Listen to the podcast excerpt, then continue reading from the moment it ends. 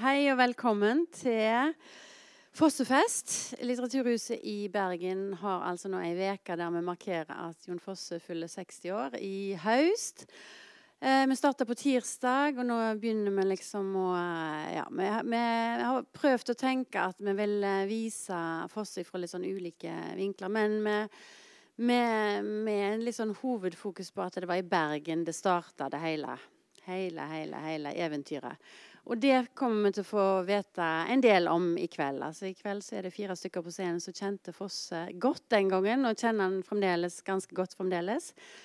Så altså, vær så god å innta scenen, dere fire som skal opp. Og så skal Kai Johnsen styre det hele og introdusere det litt mer sånn uh, nøyaktig enn det jeg har gjort. Vær så god.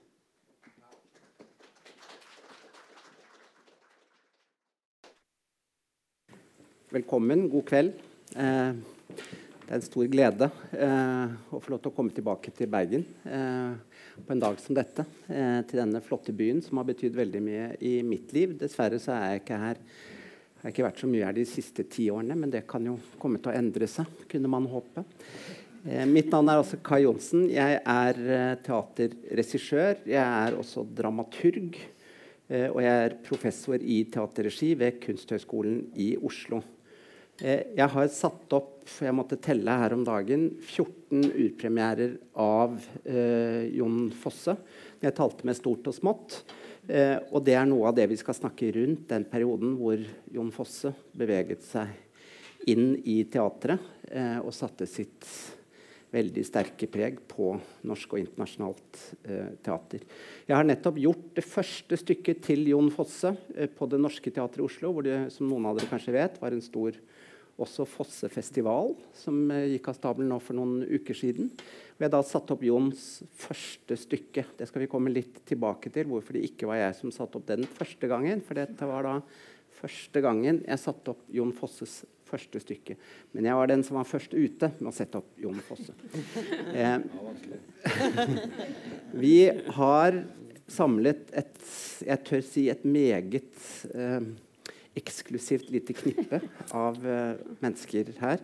Uh, ved min side sitter Helga Mjeldheim, som uh, var skuespiller på Den nasjonale scene i perioden uh, ca. 92 til 97. Som ulike, og som var med Hun er den eneste skuespilleren i verden som var med på de to første oppsetningene av Jon Fosse. Helga valgte eh, siden å trekke seg litt tilbake fra teatret, og siden utdannet seg som psykolog og jobber som psykolog i dag, i tillegg til fortsatt å engasjere seg eh, som skuespiller. Så Helga, eh, velkommen skal du være. Eh, borterst sitter Cecilie Seiernes, som eh, det er veldig liten tvil om står også Jon Fosse svært nær. Cecilie er uh, forlagsredaktør i Samlaget, forlaget til Jon hele hans tid. Eh, Cecilie jobber den dag i dag svært tett på Jon som hans eh, redaktør. I tillegg til veldig mye annet har hun skrevet en meget god bok. Det kan man jo si når man sitter på et litteraturhus. Som er en form for biografi, kan man vel kalle det, over Jon Fosse, som kom ut i 2009. Eh, som heter 'Poet på Guds jord'. Den er absolutt å anbefale. Så sitter min gode, gode venn Ola Bø eh, mellom de to flotte kvinnene. Ola er eh, journalist. Han er eh, formidler på ulike nivåer. Men eh, særlig siste, de siste tiårene har Ola jobbet som dramaturg på Det Norske Teatret i Oslo. Eh, et teater som selvfølgelig på mange måter står Jon Fosse veldig nær. Ola, i tillegg til å være en venn av Jon, har på ulike måter også vært instrumentell og fulgt utviklingen til Jon og hans vei inn i teatret svært nøye. Her skal vi også komme tilbake til noen små detaljer rundt det. Så dette er um, Av og til så kaller vi oss litt for uh, Fosse-familien. Det sitter noen flere i Fosse-familien bak i, i, salen her. Det er ikke så ofte vi treffes sånn som vi gjør nå, så vi gleder oss til å prøve eh, å ta dere med på en ja, Kall det en liten reise inn i årene skal vi si, mellom 1986 og 1996.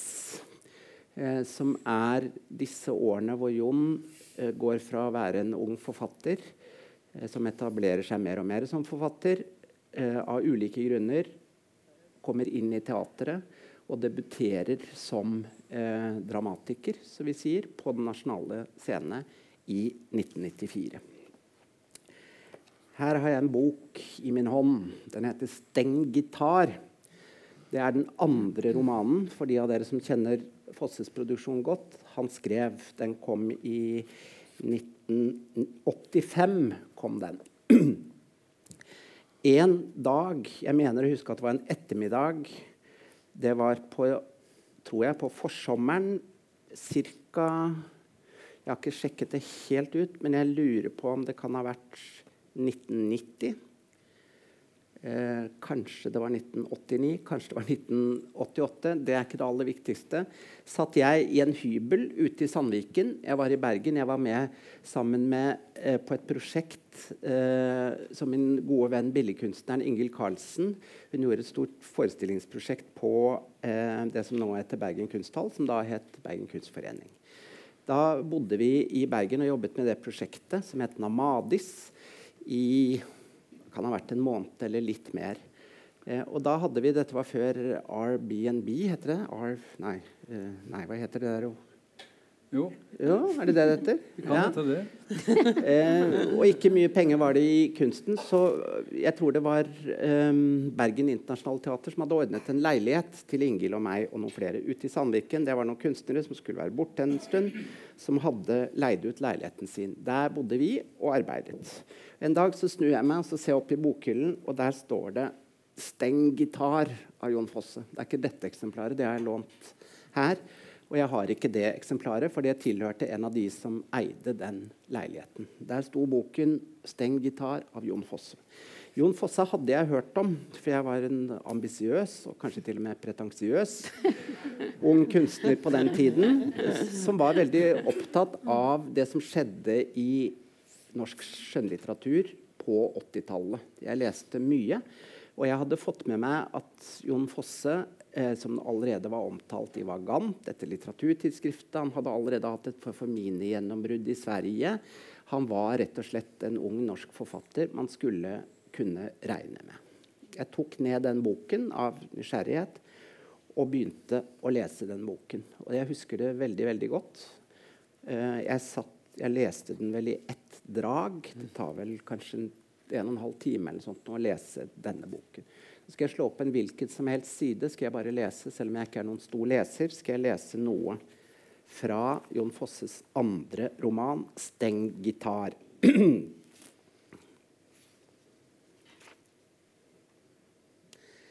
Skal skunde meg, komme meg heim til ungen, han søv. Heime er det ikke trafikklys og bare en fotgjengerovergang. Over til hotellet, tjukt, svart hår og en lang sommer, en draum full av vatn, blått vatn, lilla ange. Tvers gjennom byen går jeg, og til kafeen. En grei bror. Vi, både, vi bada i samme stampen da vi var småunger, før vi flytta til Lia. Bodde i ei liten kjellerleilighet, kaldt.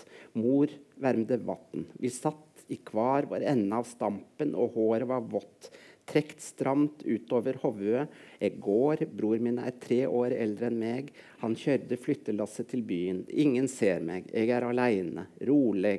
Sykehuset der de ordna ansiktet mitt. I utkanten av byen ligger sykehuset. Nå slo jeg bare opp på en tilfeldig side. Dette er nydelig eh, den snakkes ikke så mye om, roman av Jon Fosse, som handler om en ung kvinne som er på vei ut av sin egen leilighet. Så smekker døren igjen, og bak døren er barnet hennes. Så handler denne som en form for stream of consciousness-roman, kan man nesten si, om de neste timene hvor denne unge, sårbare jenta beveger seg ut i byen for å prøve å få hjelp til å komme inn til barnet sitt, som da aktiviserer både hennes fortid og osv. Dette var da et lite parti om broren hennes, som hun da skal prøve å oppsøke for å få hjelp. Eh, det ble et utrolig spesielt og stort øyeblikk for meg når jeg leste den boken. Nå leste jeg ikke så godt, eh, det er noe annerledes når man leser innenat. Men jeg fikk en helt sånn fysisk opplevelse av å lese. Det var helt besettende omfattende. Eh, det var ikke mulig å sitte og lese den sånn. Altså, du går inn i en, en form for aktiv fysisk medvirkning i det. Eh, og det er det teater på en måte handler om. Samtidig så, så jeg hos Jon Fosse noe av det jeg kanskje var ute etter på den tiden som ung regissør. Jeg var ikke så opptatt av å spille såkalt nye tekster. Jeg var opptatt av det man kalte regiteater, tysk teater, eksperimentelt teater osv. Som per definisjon på mange måter har orientert seg bort fra teksten av ulike grunner. Og Det er litt forenklet, men det er noe sant i det.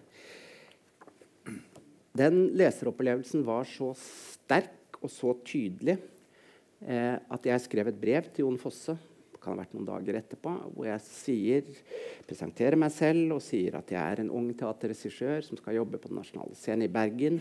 Jeg vil svært gjerne at høre om det kunne være aktuelt for han å skrive et teaterstykke som jeg kunne sette opp. Der begynner min historie. Jeg skal siden komme tilbake til hva som videre skjedde de neste årene, månedene, ukene og timene fram til eh, den første skuespilleren kom inn på scenen på nasjonale scene i 1994. Eh, og Det er også historien om et annet viktig brev her i 1993, som vi skal komme tilbake til om en liten stund. Men jeg har invitert Cecilie, som jo har studert Fosses liv og virke grundigere enn kanskje noen, i og med at hun da har skrevet denne biografien, til å prøve å plassere Jon Fosse eh, litt grann i et slags personlig, historisk, kulturhistorisk landskap. Kan, hva kan man si? Hvem, hvem, er Jon Fosse? Hvor kommer han fra? Hva slags person var han før bl.a. jeg skriver dette brevet til han og vil ha han inn i teatret? Nei, altså han kommer med, Som alle her vet, så er han jo fra Strandebarm. Og fra en bygd langt fra eh, teatret. Altså, det var ikke mye teater i Strandebarm. Eh, og når eh, Fosse vokste opp på 60- og 70-tallet, så eh, satt en sånn ca. tre timer tok til å reise her til på teater. Så det var, jo ikke, det var jo noe Fosse aldri gjorde som barn. Var ingen som gjorde det. Så på en måte, han vokser jo opp i en bygd med Gud og dans på lokalet, med bedehus og ungdomshus, men langt fra teater. Og, men, men i et en, eh, et barn og en ungdom som eh, søker på en måte mot kunsten, selv om det høres uh, pretensiøst ut. Så, er, så han begynner å skrive for seg sjøl når han er i tolvårsalderen. Han, han spiller gitar i forskjellige veldig dårlige danseband, ifølge han sjøl, og spiller som en gal og har et enormt uttrykksbehov både gjennom eh, tekst og gjennom spilling. Og han begynner òg tidlig å male, faktisk. Noe som han har egentlig drevet med og nå var voksen, faktisk.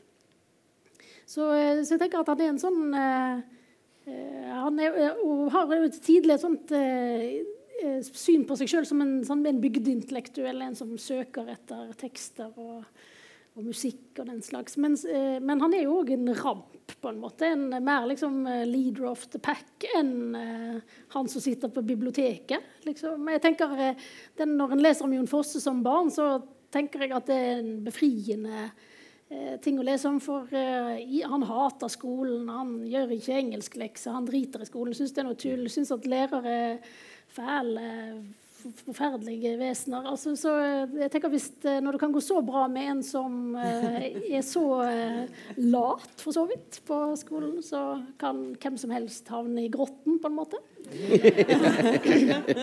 Men så når han begynner på gymnaset, da da har han, dette, han har langt hår, eh, veldig tynn, eh, og har dette eh, idealet som en bygdeintellektuell. på en måte. Og når han flytter fra Strandebarm til Øystese for å gå på gymnaset der, så tar han med seg faren sin gamle skrivemaskin. Sitter på hybelen i, både i Norheimsund og i Øystese og skriver. Og er opptatt av Vesås og Hamsun og søker seg til litteraturen. Men teater er jo òg da langt unna.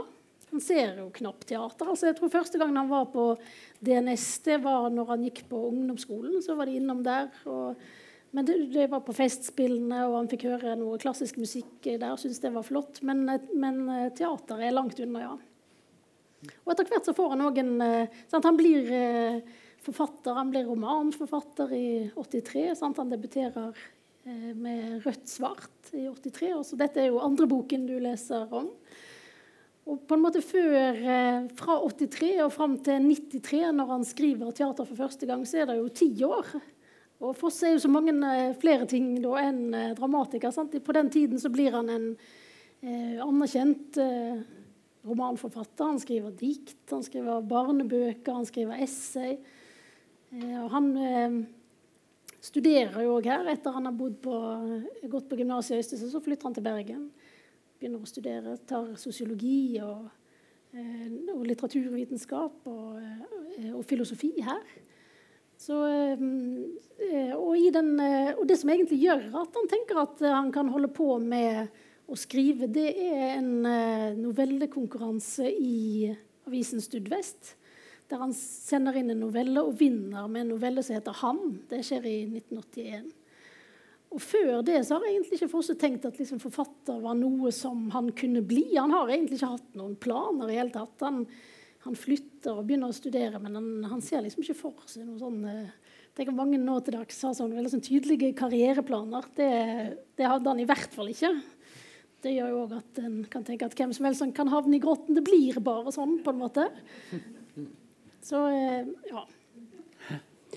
Du er litt inne på det med teater, at det ikke var noe som eh, det var lang vei til det. I hvert fall mer konvensjonelt teater. Da, altså, eller den nasjonale scene. Eh, her har jeg funnet fra programmet til Namnet, altså den andre oppsetningen av Fosse, hvor han skriver en liten programartikkel. Så dette er da refleksjonen ute på 90-tallet til en mann som da var i ferd med å bli relativt etablert som romanforfatter. På den tiden som vi snakker om nå, så hadde han vel utgitt tror jeg, kanskje fire romaner. Eh, og så skriver han i dette programbladet fra 1985 For sjøl skrive for teater? spørsmålstegn. Nei. Ettersom ryktet gikk i forfatterkrinsene, var det noe en bare gjorde dersom en ville seg sjøl vondt. Teaterfolk gikk det ikke an å ha noe med å gjøre for forfattere. Jeg skrev da heller ikke en eneste replikk eller sceneanvisning, trass i invitasjoner fra større teater, skriver han her. Mm før Kai Johnsen, eh, som har instruert de to tekstene jeg til nå har fått oppført på Den nasjonale scene. Og for nå å gjøre en lang og merkelig historie kort på, meg, på for meg underlig vis fikk overtalt meg til å gjøre det. Og så viste det seg selvsagt at teaterfolk var et folkeferd med mye nerver og mye sensibelt nærvær. Minst like kjekke å holde seg med som de som, med, som de mer innbitende i andre kunstnergrupper. Dette skriver han i 1995, da han allerede beveget seg litt inn i teatret og fått en stor uh, interesse for det. For både feltet og for menneskene. Her har det skjedd noe i løpet av de årene. Eh, hva er det som har skjedd? Kan vi bare først, Ola, eh, prøve å tegne eller beskrive litt grann hva som er situasjonen som Jon her kommenterer da, i norsk teater eh, på 80, slutten av 80-tallet. Før Ola skal si noe om det, og jeg skal eventuelt uh, får vi begynne å krangle litt. Men eh, vi skal ikke glemme at norsk teater er i veldig stor grad både et nasjonsbyggingsprosjekt, og vi har altså noen av verdens største dramatikere er norske. Henrik Ibsen, Knut Hamsun. Selv om han ikke vurderes så høyt nå som dramatiker, så var han en storhet eh, i verdens teater. Bjørnstjerne Bjørnson var en gigantisk skikkelse i europeisk kulturliv og teater. Gradvis utover på 1900-tallet så mener jeg det er grunnlag for å si at forfatterens eller dramatikerens betydning, stemme, plassering i teatret ble mindre og mindre viktig. På bekostning av sånne som meg, den framvoksende regissøren, andre tendenser innenfor modernismen osv. Er du enig Ola, i den beskrivelsen Jon her sier, at ikke noe intelligent, oppegående forfatter i Norge ville nærme seg teatret rundt 1990? da? Nei, det kan jeg ikke være enig i. Eh, jeg kan ikke være enig i det pga. at det var det en del uh, svært oppegående forfattere som faktisk gjorde. Hva de fikk ut av det, er et helt annet spørsmål. Og um, hvor brente de var på labbene sine etter det forsøket, er vel òg et spørsmål. Men, men, myten Jeg vil, vil, nok si at du, du kolporterer nå på en, på en måte en slags myte om at det var, det var det var nærmest fiendskap mellom det litterære miljøet og teatret. Men, eh, men, men, at det var tendenser til det, og at det særlig blant forfattere var, var nok nokså vanlig å se ned på teatret. Uh, nå tror jeg kanskje det, det, var ikke gjensidig, men jeg tror ikke det var sånn at uh, teatret nødvendigvis så så veldig opp til Ja, jo, forresten, det gjorde de nok på sin, uh, på sin sørgmodige måte. Og ja, Svein Erik Brodal prøvde, vet jeg, i en periode Nå begynte ikke jeg på Det Norske Teatret før i 91, så jeg kan trygt nesten si hva jeg vil. Men øh, han prøvde jo Og Hildegunn Riise, som sitter bak der, kan sikkert ta ordet ex auditorium her hvis du føler behov for det. Men, men han prøvde jo en hel sesong med bare å invitere norske forfattere det ble, har vel aldri blitt oppsummert som en suksess. Men, men og, og, og, Det Norske Teatret holdt seg med husforfatter. Edvard Hoem prøvde to ganger. Eh, det kunne sikkert vært interessant å intervjue Edvard om det en gang. Det er ikke bare gode erfaringer. Eh, men, men han, eh, han, fikk nå opp tre-fire stykker, av stykker sine i en periode der fra midt på 70-tallet og, og, utover til St. Olavs Grin.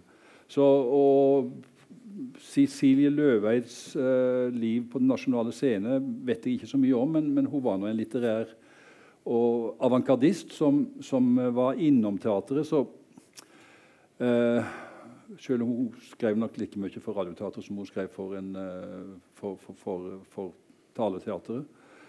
Eh, I den perioden fra 80 til, altså sånn til, til Jon debuterte Norvald Tveit, Ragnar Hovland og Rune Belsvik, to forfattere som faktisk går igjen den nasjonale scene spilte tror jeg, et nynorskstykke. For eksempel. jeg, jeg sjekka nynorskingene som Stammens syl.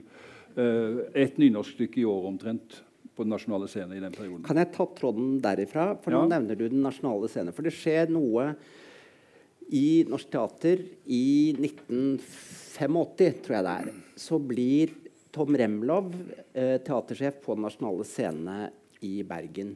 Hans prosjekt han var sterkt influert av britisk eh, teater, hvor dramatikeren alltid har stått mye mer sentralt enn det man kan si innenfor f.eks. tysk eller fransk teater. Han ble teatersjef på Nasjonale Scene og hadde et program som handlet om at han skulle revitalisere den nye norske dramatikken. Han satte så å si hele det teatret inn i det forsøket på å reaktualisere den levende dramatikeren som en viktig premissleverandør eh, for eh, et gyldig samtidsteater. Noe av det Tom Remlov gjorde Nei, peip til, gitt. Var sammen med Cecilie Løveid, som Ola helt, eh, har helt rett i. Hun traff jeg på Bybanen inn her for øvrig i dag. Den store dikteprinsessen fra denne byen eh, Cecilie Løveid og Tom Remlov de laget et seminar som siden har blitt notorisk berømt. Eh, kan du si litt om hva det seminaret var for noe? Cecilie? Eh, ja, altså Det er på en måte starten på det som ble kalt Bergensprosjektet eh, senere. Der en rett og slett teater tenkte at nå må vi få forfattere i dag som skriver, til å komme inn i teater. Altså, for denne her kløften da, som åpenbart hadde vært der i årevis mellom teater og forfattere, den, den vil en gjøre noe med. Og så blir, der blir Det var i 1985, i november, det skulle arrangeres dette kurset i å skrive dramatikk. Eh, og på den tiden så eh, hadde Jon Fosse gitt ut to bøker. Han, han, hadde et barn. Han bodde jo egentlig her på den tiden. Han Eh, men akkurat eh, mens det kurset foregikk, så var han eh, hva heter det, sivilarbeider i Oslo. Så han var redaktør for Militærnekteren. Og han ble spurt om eh, han ville delta på dette kurset, og det ville han egentlig slett ikke. Men, men, hvis han ble med på dette kurset, så fikk han komme tidligere hjem til Bergen til kone og barn. Så det syns jeg var fin, eh, et pluss med det. da. Men, eh, men han tenkte at eh, liksom, å lære seg å skrive dramatikk Nei, det er toskeskap. Liksom. Det var hans reaksjon på det. Men så blir han med på dette kurset, som varte i ti dager, og der det var ni eh, vestlandsforfattere som var med. Og alle de på det kurset var veldig positive, utenom Jon Fosse. da. Han var gjenstridig. Og, og det blir òg Ragnar Hovland Det er mulig at han legger litt på, men han mener at eh, Tom Remlov, da, som styrte dette kurset, og Jon Fosse nærmest slåss på slutten av kurset.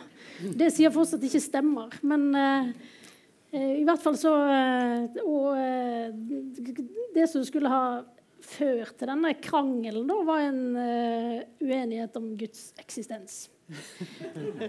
Men, men, på dette kurset så var poenget rett og slett å skrive dramatikk og se liksom, kan det, kan det bli noe her. Og, og uh, disse som var med på kurset, ble vel òg invitert av DNS til å skrive enaktere til, til DNS. Men det gjorde ikke Fosse. Så han vil på en måte, selv om på en måte Bergensprosjektet, som har liksom tatt han med i sin eh, beholdning, da, men det ville ikke han være med på. For sånn som Fosse sier det, så er det Kai Johnsen har æren for at Fosse skrev dramatikk. Så uten Kai Johnsen ingen eh, Jon Fosse som dramatiker.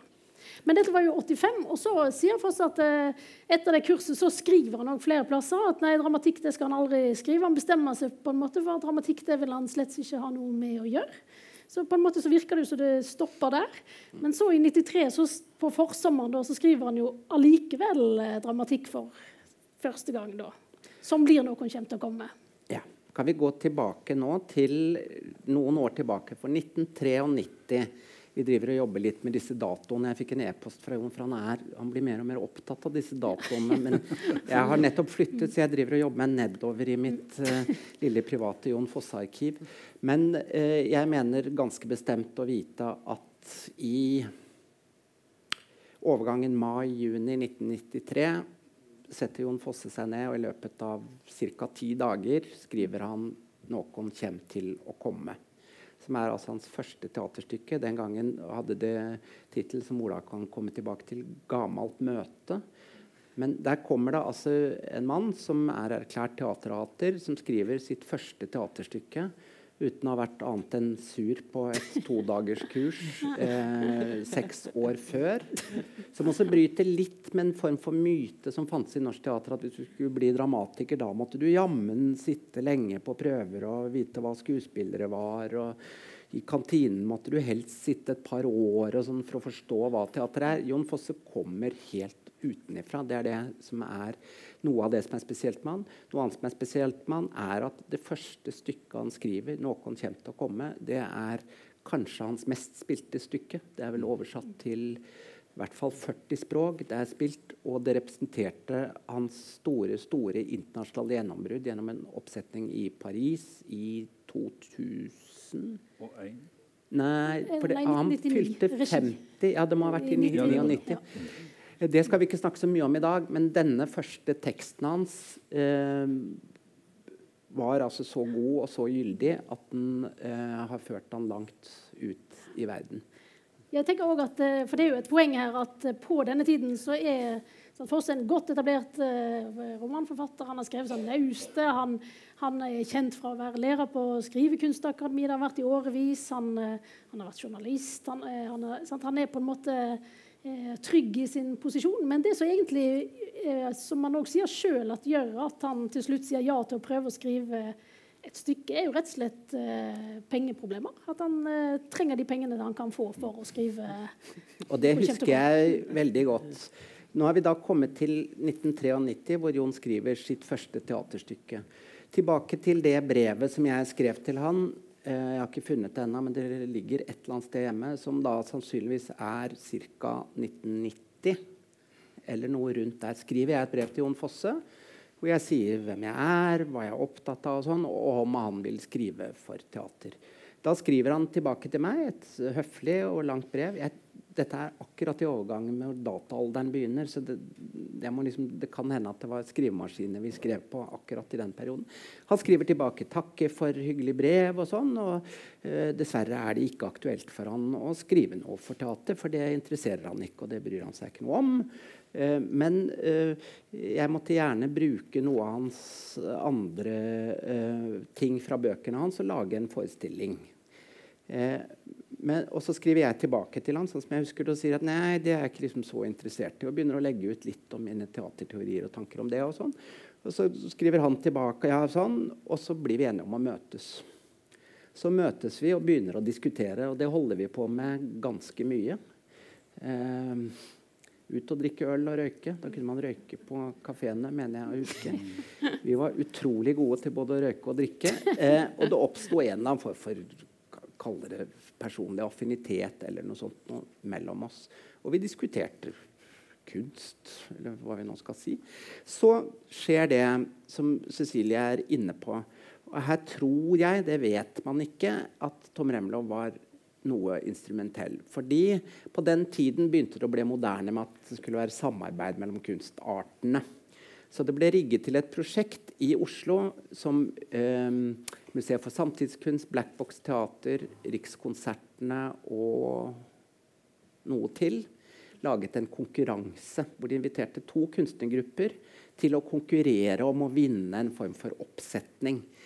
Der ble Jon Fosse og jeg da plassert.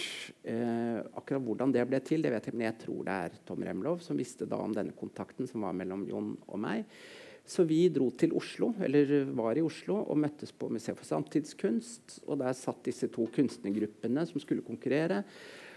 Og så rekker Jon Fosse opp hånden, og så sier han ehm, ja, men det er ingen som har fortalt meg hvor mye jeg skal tjene på dette.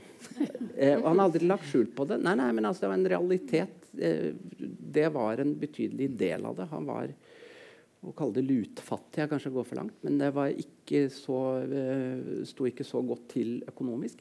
I hvert fall så begynte vi da å jobbe, en liten gruppe. På den tiden skrev Jon på 'Naustet', som er da en roman som kommer i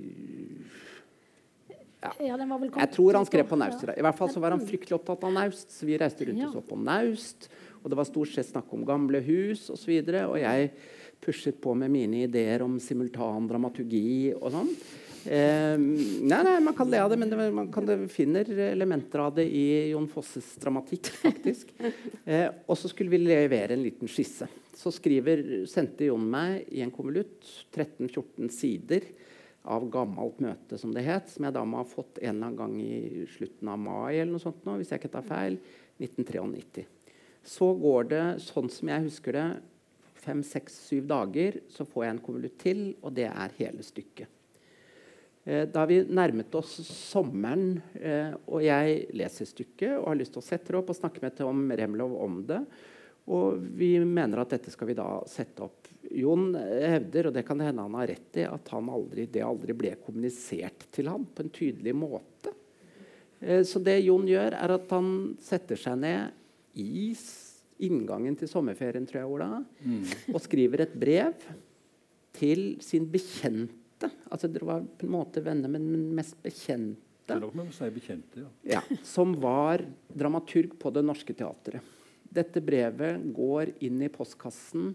Dette teaterstykket som han vedlegger, og et brev går inn i postkassen på Det Norske Teatret, sannsynligvis i sommerferien. sånn som jeg har forstått det på deg. 17. juli. Ja. Det var, og, ingen, var, ingen, der da. Nei. Og du kommer tilbake på jobb den 4. august 1993. 8., 9., 10., 11., ja. 12. Og da Hva finner du da din, i din posthylle? Ja, etter noen dager så deiser det en konvolutt ned på min pult. Uten å gjøre dette til historie om den interne postgangen på Det Norske Teatret. Så, så, det kan jo ha gått noen dager. Men eh, jeg tror ikke det var oktober og ikke september, så jeg tror, jeg tror det var i august. Ja, det er helt sikkert i august. Ja. Altså det, jo, men det vet ja, jeg. Ja. Uh, ja. Så kommer det noen inn døra mi eh, til kontoret, og så legger de en konvolutt på, på pulten min. Jeg går ut og tar meg en kaffe, og så går jeg tilbake igjen og så åpner jeg konvolutten. Og så, ja. så leser jeg dette stykket og går samtidig tar en kopi av det og gir til Cecilia Ulvetski. Som, eh, da, jeg hadde ikke vært på Det Norske Teatret mer enn halvannet år på den tida der. Uh, og kom fra journalistikken og hadde undervist et år i Volda på, på medialinja der.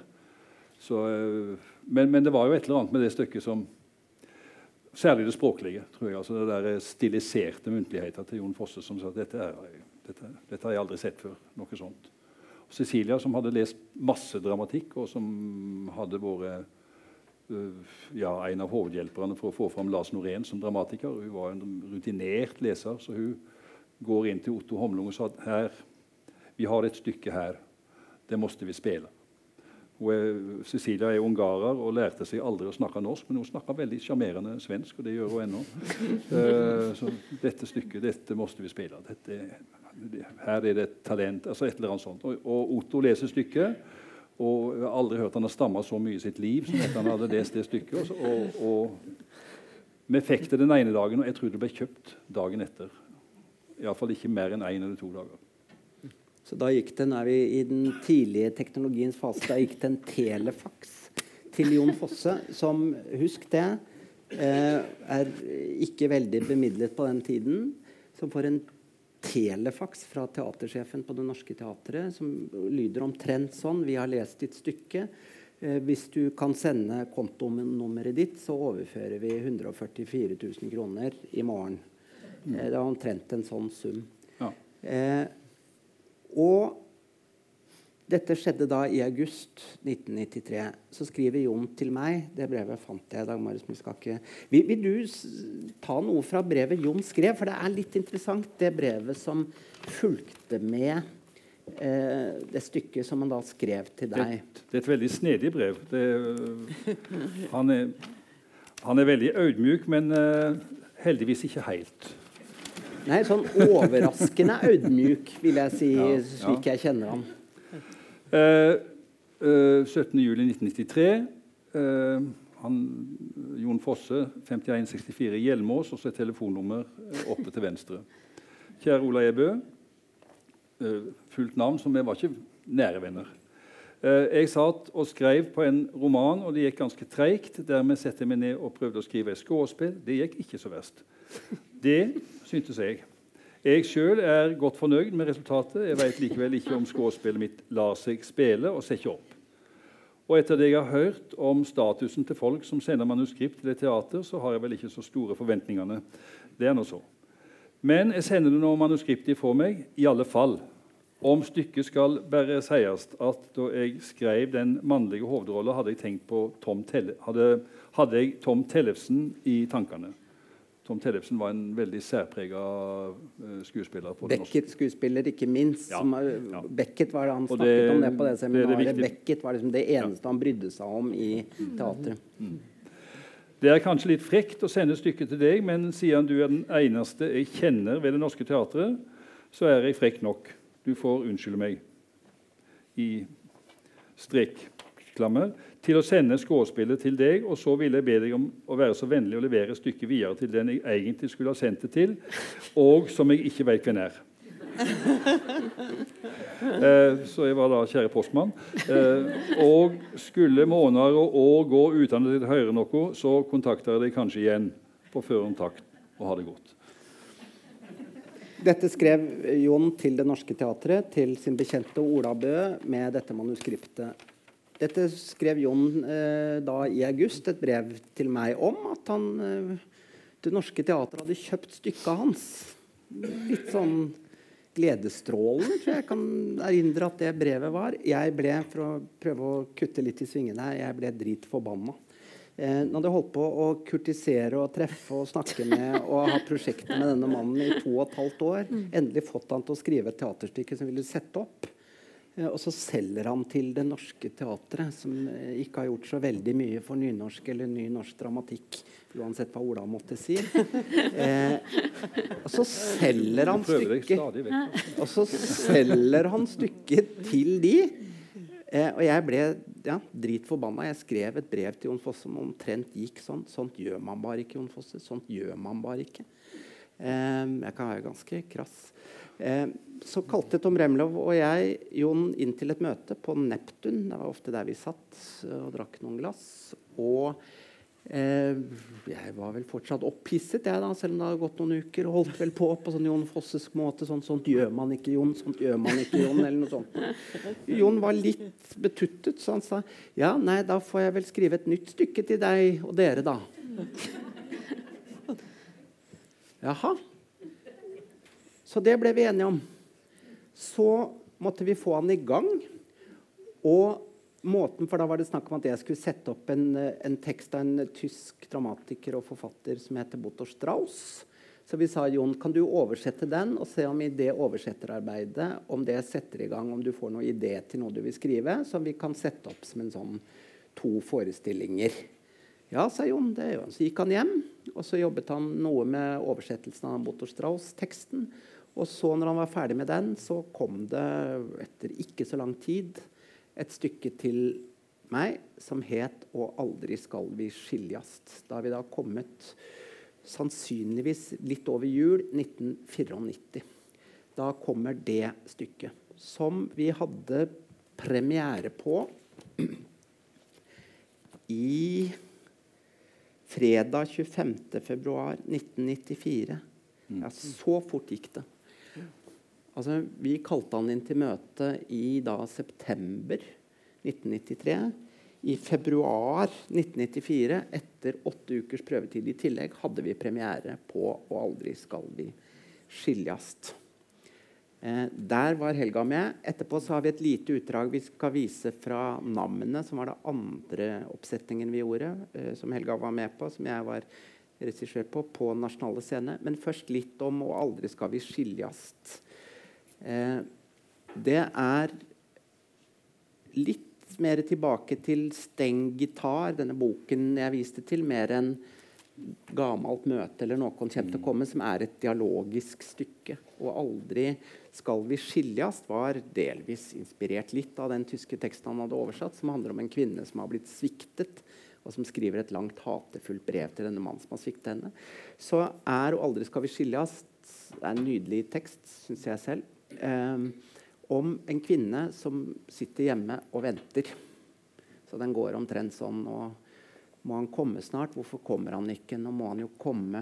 Den gode mannen min, hvor er han? Hvorfor kommer han ikke? Nå må han komme snart. Eh, en indre monolog, og så går det opp for publikum gradvis at Nei, den mannen kommer jo aldri til å komme. Han, jo, han har jo gått fra henne. Idet man tror man har skjønt det, så kommer plutselig mannen hjem fra jobb. Og så er han og snakker med henne som om alt er nesten vanlig. Dette kan man kjenne igjen fra senere stykker av Jon. Det derre midt imellom liv og død, nærvær og fravær. Så når man da begynner å lure på jo, men han er der allikevel, så går det opp for en at han ikke er der. Så han forsvinner.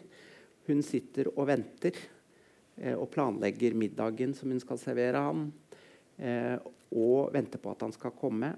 Og så kommer han, og da har han med seg sin nye kjæreste. Um, Elga, du var med på den første oppsetningen. Mm -hmm. Så nå er vi da på vinteren 1994. Hva husker du fra den tiden? Hva tenkte du når du første gang fikk det manuset i hånden? Og aldri skal vi skiljes. Ja, hva tenkte jeg da? Vi skal ta ett steg før det. For det at eh, jeg hadde jo som deg og en hel del andre lest stengt gitar. Og det var, vil jeg si var en skjellsettende leseropplevelse. Det tok tid å komme ut av det universet. Eh, så jeg ble opptatt av Jon Foss. Hvem er han? Har han skrevet noe mer? Er, um, sånn. Og så, litt ut av det blå, så kom denne henvendelsen fra Tom Remlov om jeg ville komme til Den nasjonale scene og eh, spille i dette stykket. Det var det første du gjorde på ja. Bernes? Okay. Mm. Eh, så da kom jeg, og så eh, hørte jeg at det var Jon Frosse. Det var litt sånn starstruck. Ja. Og, og, men veldig spennende og veldig, veldig, sikker på at dette, dette, blir bra. Dette må jeg. Dette skal jeg. Og så får jeg denne teksten, og så kommer jeg på prøvene. Og jeg skjønte ingenting det var helt forferdelig. Skjønte ingenting. Skjønte ikke hvordan dette skulle gå. Eh, jeg skjønte at dette har noe ved seg. Dette er interessant, dette gir noe. dette er... Men det var en motstand der som jeg ikke forsto meg på. Og du gjorde det jo ikke lettere. for du inviterte jo inn i en form for laboratorie til å undersøke denne teksten. Til å undersøke mulighetene, grensene, prøve det ut. Forferdelig skummelt. Veldig spennende. Så var det noe med at det ble trygt nok til å holde på og holde på og holde på. Og så ble det jo premiere. Mm. Mm. Og den var vi Det er ikke alltid man er det i teatret, selv om noen kanskje kunne tro det. Den ble vi ganske fornøyde med, vi som hadde jobbet med Jon var ganske fornøyd med det. Det var egentlig første gang han hadde beveget seg inn i en teatersituasjon. Han var på noen prøver. Han så hva vi slet med. og og sånn, og han fulgte litt på diskusjonene våre, og han og jeg gikk ofte ut etter prøvene og drakk og snakket. Og sånn. Og han ble veldig, veldig opptatt av, eh, av teater. Men sånn som jeg husker det, så var han litt tru og vi er lenge. Han kom på prøvene litt motstridende, men jeg har en mistanke om at det var du som insisterte og inviterte og måtte komme, og så kom han. Og så var han skeptisk. Og, og, og uttrykte noe om at eh, teateret kunne, og skuespillere og hele dette arbeidet vi var i gang med, kunne banalisere teksten hans. Og der sto jeg og var vettskremt fra før av. han, har òg skrevet om å se en uh, prøve på det, akkurat det stykket. Bare helt kort her. Uh, han har skrevet dette. Jeg så en sein prøve, altså der du var med. Og stykket sto der. Det sto ikke støtt, men det sto der. Det var utrolig å se. Fra oppveksten minte seg nyfødte kalver. De kom til verden, og så reiste de seg, falt på kne, og så reiste de seg, og så sto de der og sjaga, men de sto på egne føtter. Slik var det med stykket på denne prøven også. Stykket sjaga fra side til side, men det sto der.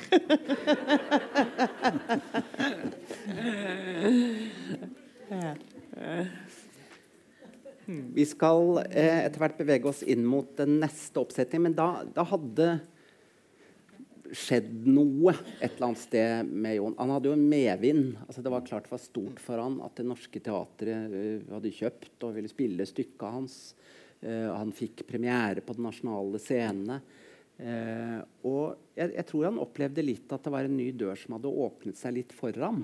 Jeg, jeg, leste programartikkelen som han skrev til den produksjonen. Det var ganske, det var ganske morsomt. Jeg leste, på buss, leste det opp Tokagjelet, for å si det sånn.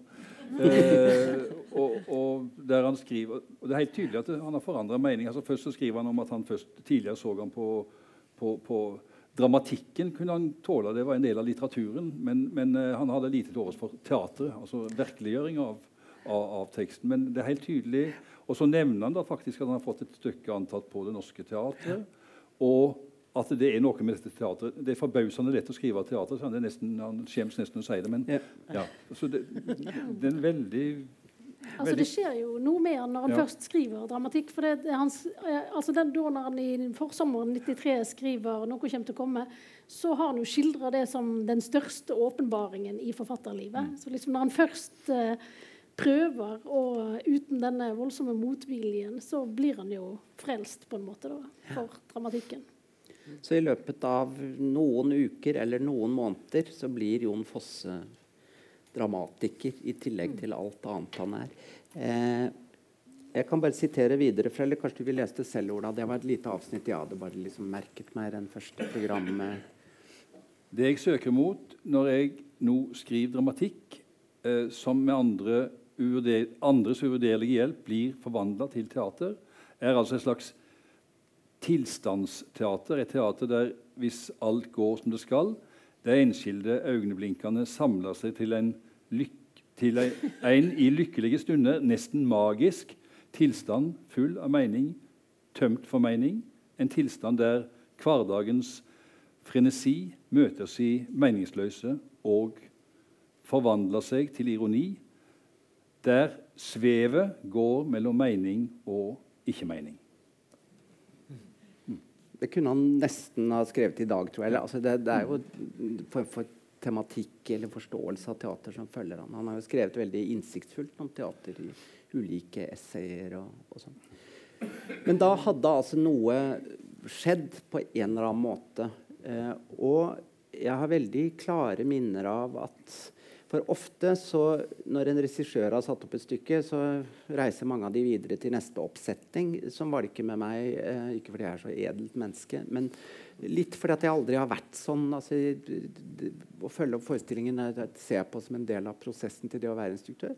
Men dette ble også et samlingspunkt for Jon og meg, så vi gikk nå et par ganger i uken gikk vi opp og så forestillingen vår. Ofte litt bedugget eh, og sånn. Så, men husk på at dette er skrevet da før premieren, det som Ola nå leste. Men, men vi snakket veldig om det. altså De der øyeblikkene som oppsto, som flyttet seg fra dag til dag. De kunne ikke lokaliseres på samme sted. Eh, som et slags svev. da. Siden har han jo grep han til et ungarsk teateruttrykk som, som heter 'Når en engel går gjennom scenen'. Eh, som en måte å beskrive det på. Men, men jeg, jeg, tror han, han fikk ganske klar eh, følelse av at noe viktig kunne på den måten oppstå i, i teater. Så dette var da premiere i februar eh, 1994. Vet du noe om hva pressen mente om dette, Cecilie? Nei, det var vel litt yms. jeg tenker Av og til når en jobber med forfattere, sånn som jeg gjør da, på Samlaget, og de blir veldig lei seg for eh, fryktelig dårlige kritikker, så eh, pleier jeg alltid å si at ja, men tenk hva som har blitt skrevet om Jon Fosse. Eh, og det har blitt skrevet veldig mye rart. og eh, altså Noe var fint på den første gangen òg, men eh, slett ikke alt. F.eks. Hans Rosiné i Dagbladet. Han var ikke overbevist, altså. Han skrev Jon Fosses dramatikerdebut er, som hans andre tekster, formulert i en stream of consciousness-teknikk med lange monologer, gjentagelser, assosiasjoner, selvanklager og lengsler i ring og i ring. I romans form er virkningen en indre stemme som taler til deg. På scenen er effekten kverning og skrullete mas over en skuespillers lepper. Det blir en Messen-opplevelse der poesien tapes og interessen forsvinner etter hvert. Men eh, Nå var, må ikke deprimere her, for eh, slett ikke alt var sånn. Men eh, akkurat veldig god kritikk kan vi jo ikke si at han ble møtt med i starten.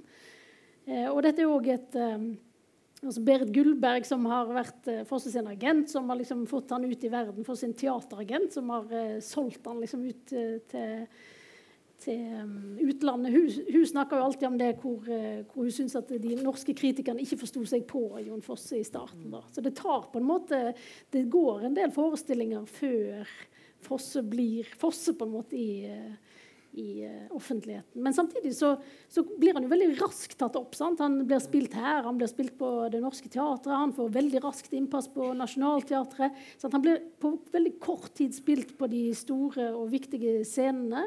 Og raskt blir han solgt til utlandet. så det eh, han får jo Ibsenprisen for navnet. Så på en måte så får han eh, Han får jo raskt anerkjennelse, men ikke alltid like god kritikk. Ja, Du sier det endret seg etter hvert. Altså Aftenposten, bare for å stikke til mine evige fiender De har vel ikke skjønt det ennå. De, altså, å lese deres anmeldelser av Jon Fosses stykke er altså virkelig en fest hva de ikke har skjønt. Det er liksom um, altså, slutter aldri å fascinere meg. Det var Ruth Krefting Enger som anmeldte dette stykket for Aftenposten. Hun var altså heller ikke så veldig begeistra. Her ser jeg. Så uh, hun ble lei, rett og slett lei av å høre de samme replikkene gjentatt til overmål. Enakterne blir aldri overbevisende eller gripende teater. Dette angår oss ikke. Jeg husker jo, Nå skal vi nærme oss navnet, hvis vi kan begynne å gjøre klart til eh, Der husker jeg faktisk ordrett, eh, mener jeg. Jeg vet ikke om du kan korrigere meg hvis du har det der. Aftenpostens anmeldelse av navnet, som var da Jon Fosses tredje stykke, hans andre oppsetning. Da vi kommet til 1995, da skrev Eilif Straume i Aftenposten Jeg tror jeg kan sitere det ordrett. Av alle de dårlige teateroppsetningene jeg har sett i det siste, er dette en av de bedre. Eller som han avslutta med, å komme ut var som å få livet tilbake.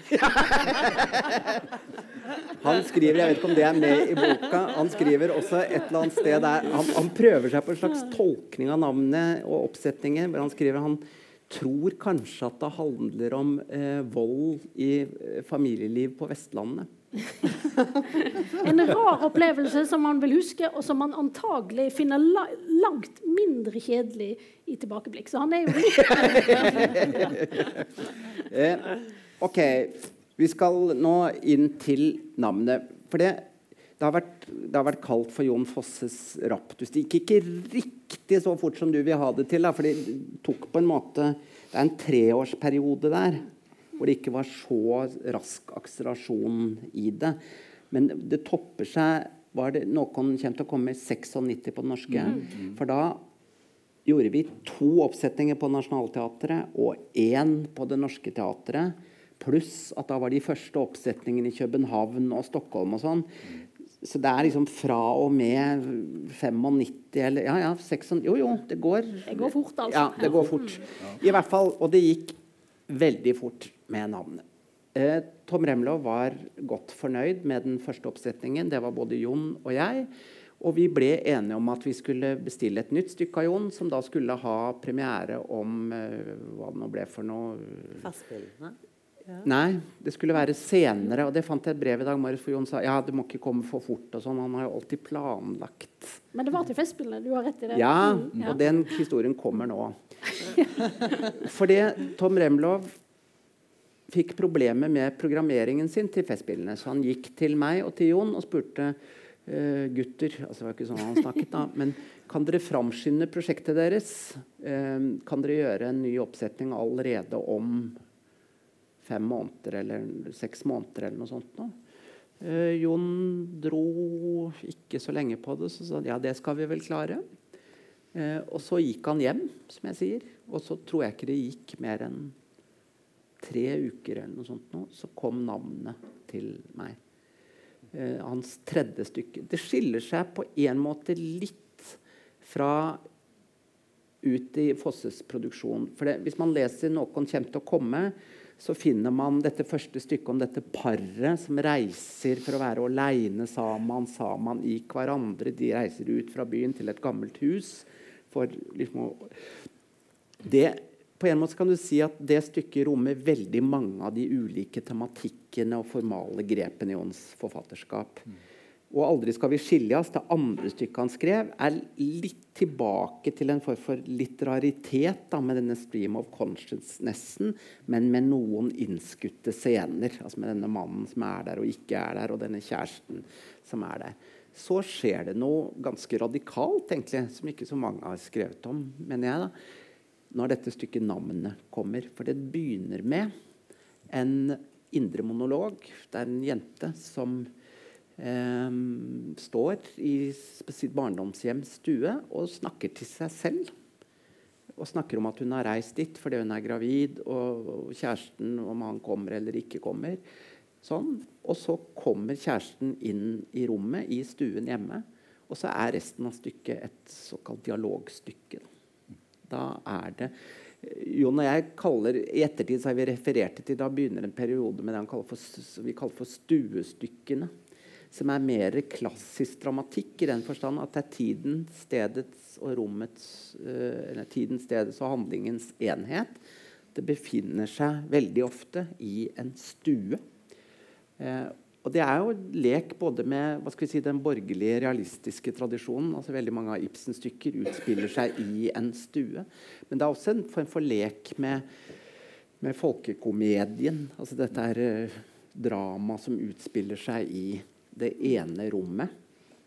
Ja, Det som også er veldig interessant med navnet, er at den uh, historien som navnet bygger på, den er jo rett og slett uh, altså Den novellekonkurransen som Fosse vant da, i Studvest i 1981, det er den samme grunnsituasjonen der. Så han har på en måte tatt eh, den, det, all, liksom det, som han sjøl regner som sin skjønnlitterære debut, den novellen, og brukt den i navnet, rett og slett. Så, noe som han ofte gjør i uh, forfatterskapet sitt. Sant? At et mm. prosaverk kan bli en, et teaterstykke, eller et teaterstykke kan bli et uh, kan, kan vi, ikke, vi har et kvarter. Kan vi ikke bare bli værende litt der? For det, nå vet vi jo alle litt på forskjellige måter noe om hvordan Jon så å si skriver. Siden har han jo skrevet om det, hvordan han skriver. Eh, jeg husker jo, for NRK fikk gjøre et opptak hjemme hos Jon Fosse som har vært i hva kan det ha vært da, 1990 eller et eller annet sånt noe.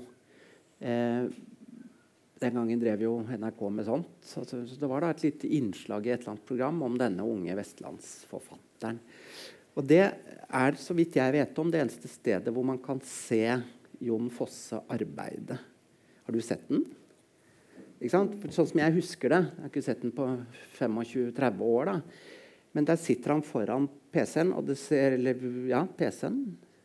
Kan det ha vært PC? I hvert fall. Så sitter han omtrent sånn.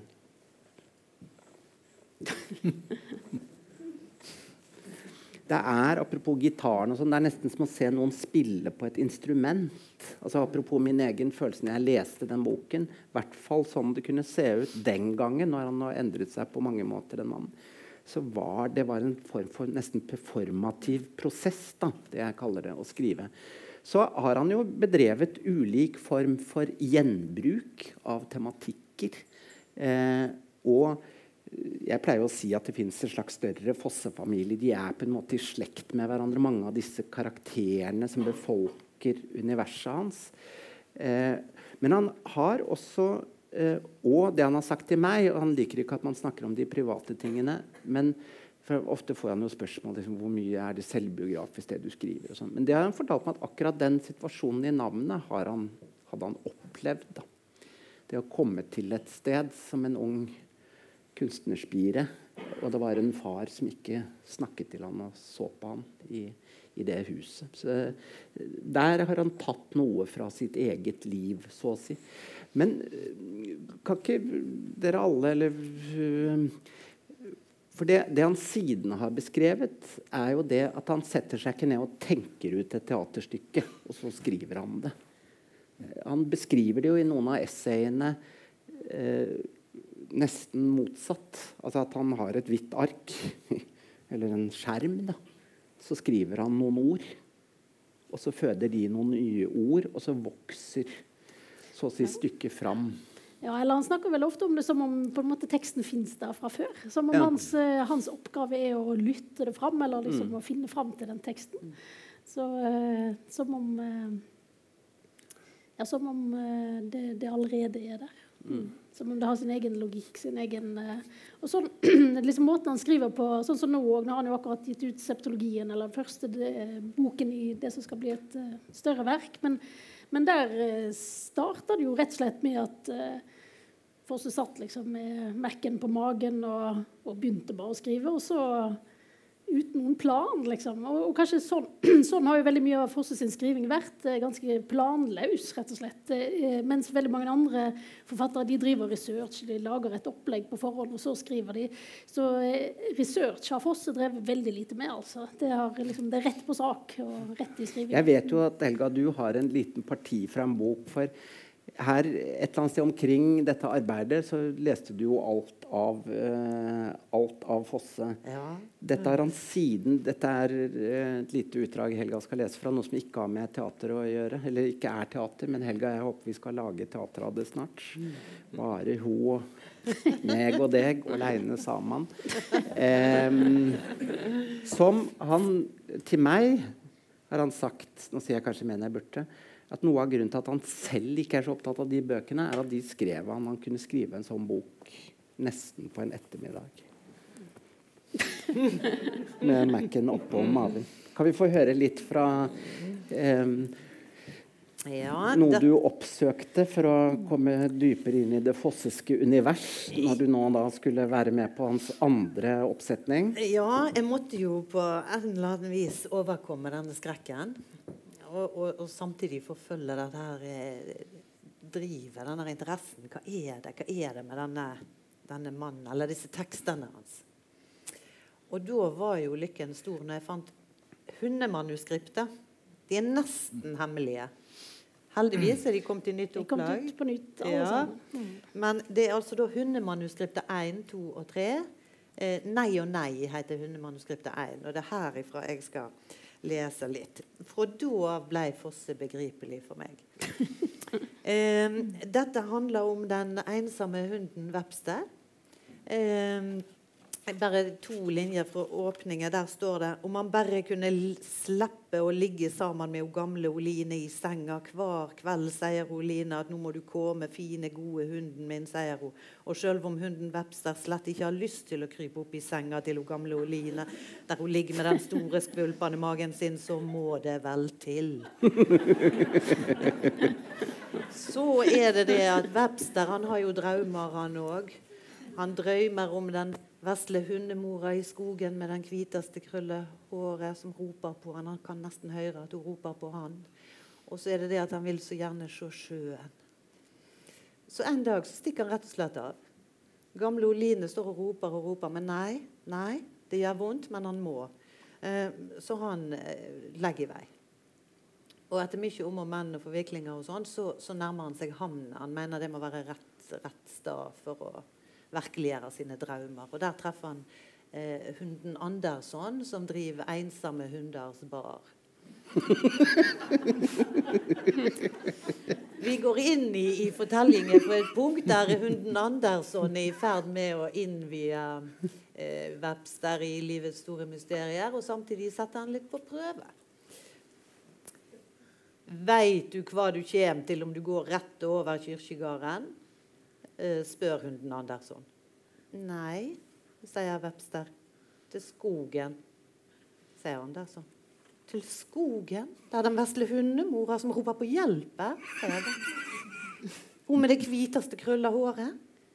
Ja, hun, ja, sier Andersson. Tror du at hun er der? sier Webster. Sikkert. Virkelig, sier Webster og er imponert. Siden alle han og hunder som deg sier at de skal til skogen for å hjelpe henne, så er hun vel der. Kanskje, iallfall.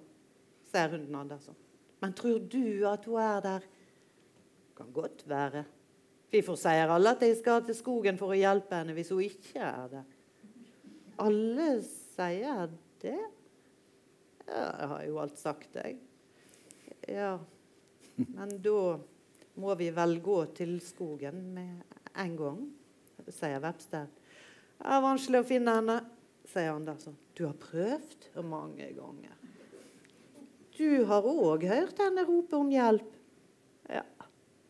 Og du har vært rundt i skogen for å leite etter henne? Ofte. Ofte, sier Andersson. Men må vi ikke gå for å finne henne?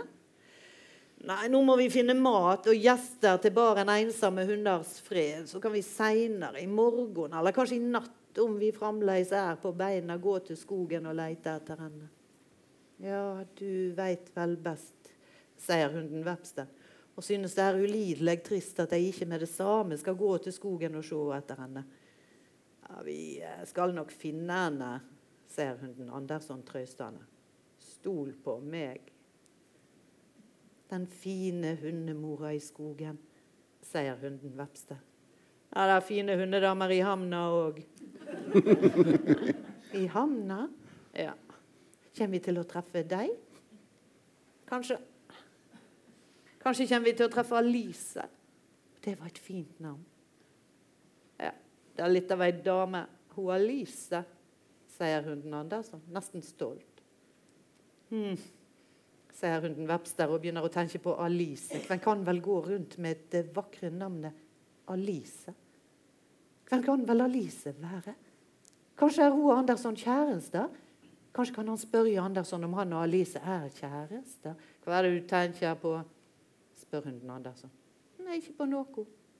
Du tenker på Alice, sier Andersson. Du tenker så mye på henne at du verken ser sjøen eller havna, som du har snakka så mye om. Og hunden Webster ser opp, og så ser han en lang kai. Og langs hele kaien ligger båter, og mye folk går rundt på kaien. Og bak båtene, der ute, er jo sjøen. For det må vel være sjøen? Og hunden Webster strammer seg opp det han klarer, for nå ser han jammen sjøen. Tenk at han, den ensomme hunden Webster, alt en aldrende hund, nå for første gang i sitt liv ser sjøen. Nei og nei, tenker han.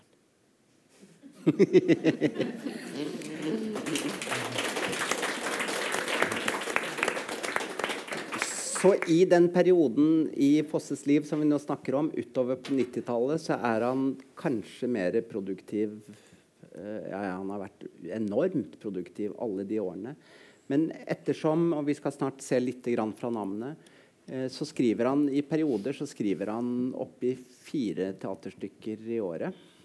Uh, han, så vidt jeg vet, så er det ofte sånn at han klyngler litt sammen. Han pleide vel å skrive teaterstykker på våren og på høsten, tror jeg, og romaner på, på vinteren, hvis jeg ikke husker feil. Han skriver poesi. Han skriver sånt som det Helga leste fra nå.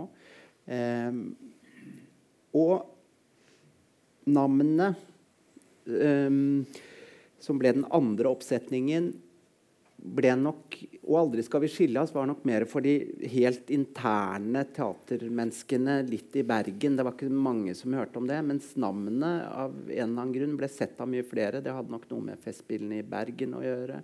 Lengre spilletid på Nasjonale scener osv. Og, så og det at en dramatiker ble satt opp så raskt igjen, var nok også med på å understreke eh at man så på han som viktig. Um, jeg skryter ikke av alle mine oppsetninger av Fosse, men den der ble veldig god. Vi, dette, NRK gjorde da en transmisjon, som det heter. En slags hybrid av en transmisjon. Da flyttet vi scenografien ut til et studio. Hvor var det NRK holdt til da? Oppe på Minde. Ja. Og så spilte vi inn den, som er noe annet enn ren transmisjon, som er filmteater, og som heller ikke er en adaptasjon. Det er en slags mellomting. Men hvis, skal vi se, kan, kan, jeg be dere om å bare trekke dere litt til siden? Bare sånn, så, skal det, bare så dere får et inntrykk av hva slags teaterforestilling det var. Var det noen andre i salen som så den? 1996? To? Tre? Fire? Ja, ja, ok. Så jeg valgte ut et bestemt sted, da. Kjør. Står vel der nede ved butikken og prater med noen. Hun prater alltid med noen. Jeg er litt sår. Vi skal lete når far kommer hjem. Er det lenge til? Nei. Skjer noe? Far din? Er du her? Nei, det var kjekt. Og du, så svær du er blitt.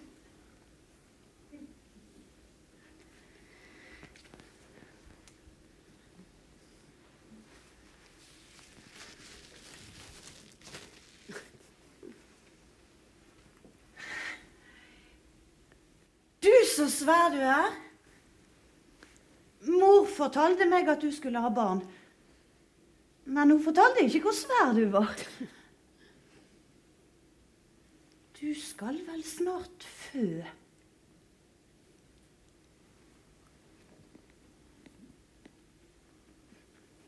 Og du nett kommet? Jeg visste ikke at du skulle komme.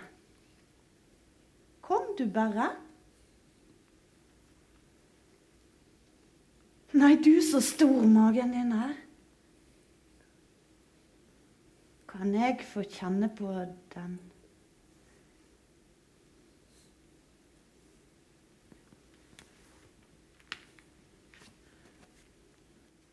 Jeg kjenner ikke noe.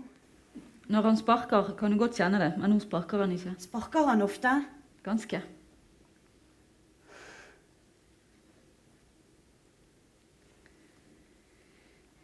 Og du er blitt så svær. Du ser iallfall ut som om du kan fø hva tid som helst. Jeg skulle forresten helse deg fra Bjørne. Bjørne? Ja. Jeg trefte han nede ved kiosken. Han ba meg helse. Han sa at du måtte stikke nedom hvis du var hjemme en gang. Du måtte bare komme ned til han, sa han. Ja. Jeg fortalte han at du skulle ha barn. Jeg visste ikke om jeg kunne gjøre det, siden far ikke veit det. Ja, du veit det vel ikke? Men mor har ikke sagt til far at du skal ha barn. Hun sa at hun ikke ville gjøre det. Det sa han ikke. Hva sa han ikke? At jeg var gravid. Bjarne? Nei, sjølsagt ikke. Han sa vel noe slikt som at du hadde pult igjen.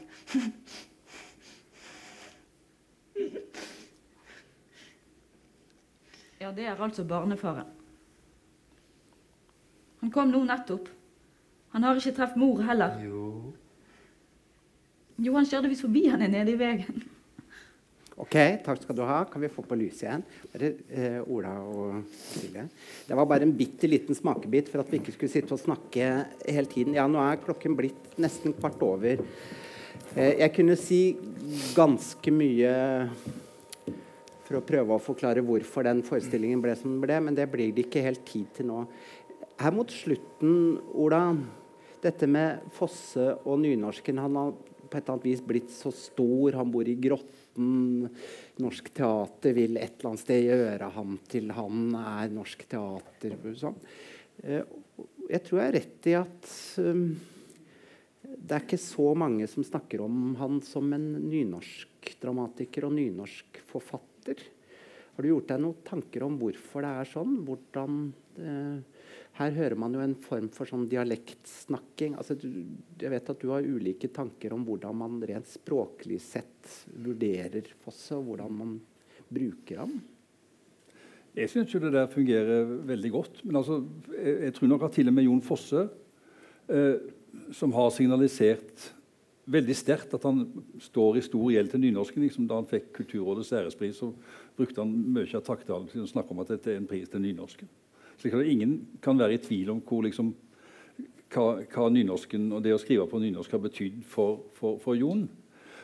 Og Likevel så har han som liksom, den store dramatikeren han er, i store deler av etter min mening, i store deler av Teater-Norge så har, så har denne berøringsangsten til nynorsken slått inn. Til og med med hans dramatikk. Det, er en grunn til at han ikke ble spilt på, ja, på Trøndelag Teater før altså 'Drøm om høsten'. Den ene forestillinga som eh, Alexander Mørk Eidem satte opp i ja, jeg tør ikke å huske årstall.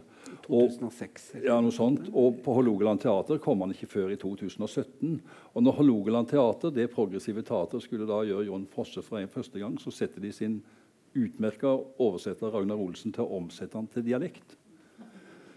Dette har jo da Hålogaland Teater gjort siden de begynte. Og når de begynte med det, så var det der liksom en, slags solidaritetshandling eh, overfor nærmiljøet i Tromsø. Men altså etter, etter 50 år så burde de til og med i Tromsø ha forstått at eh, altså Når du da har med en, med en forfatter å gjøre som ikke bare signaliserer hvor, han, hvor, hvor viktig dette med nynorsken er, men han har et språk, et, et dramatikerspråk, som er der litterariteten i språket betyr veldig mye. Og, og, det forsvinner, en del av det forsvinner i den der litt mekaniske uh, dialektoversettinga. Slik at jeg som da har kjempa for dialekten hele, mi, uh, hele, mitt liv, skulle si, på det området der, så mener jeg at, uh, at teaterfolk er blinde på en måte. Og, og, og det finnes hos, hos skuespillere også en slags forestilling om, om, at det å bruke dialekt skaper større autentisitet.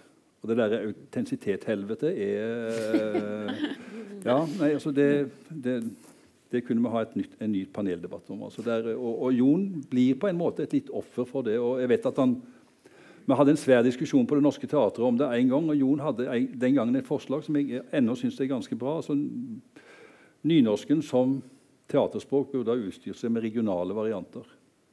For jeg synes at det er veldig viktig at skuespillere bruker sin språklige tone. Altså sånn, sånn, som, ja, sånn, som, dere. Og, og, Trine Wiggen har da, bruker da en vestnorsk tone, men hun bruker jo Jon sin tekst. Det er ikke, dette, det er ikke, dette er ikke spilt på dialekt. Dette er spilt på nynorsk, men med, med språktone. Uh, og det, det, er jo en måte å, å, å, bruke nynorsken på som jeg er veldig for. Pga. det nære forholdet mellom nynorsken og dialektene. Det er en måte å, å på en måte prise sambandet mellom dialekt og, og, nynorsk. Men det å omsette Jon Fosse til dialekt, det syns jeg er meningsløst, og det er feigt. Altså, sånn, eh, skal en beskytte publikum for nynorsken ved å gjemme vekk det som er, en, som er noe av hans store pre som forfatter? Jeg syns jeg er merkelig. Og særlig i det eneste landet hvor vi faktisk kan da høre ham på å forstå ham på det språket Ja, ja. han faktisk skriver på. Nå ser jeg at dette var faktisk det vi rakk. Vi kunne ha sittet her helt sikkert i 10-20-30-40 timer til. Jeg håper dere fikk noe ut av vår, eh, vår lille samtale, hvor vi har prøvd å, å kretse inn i hvert fall noen eh, problemstillinger og noen tematikker. Nå er det vel mange som er kjent med at Jon Fosse for ti år siden sa at nå skulle han aldri skrive noe mer teaterstykke. Eh, nå har det vel nådd offentligheten da, at nå, etter ti år, så har han ombestemt seg. Så han har nå begynt å skrive dramatikk igjen.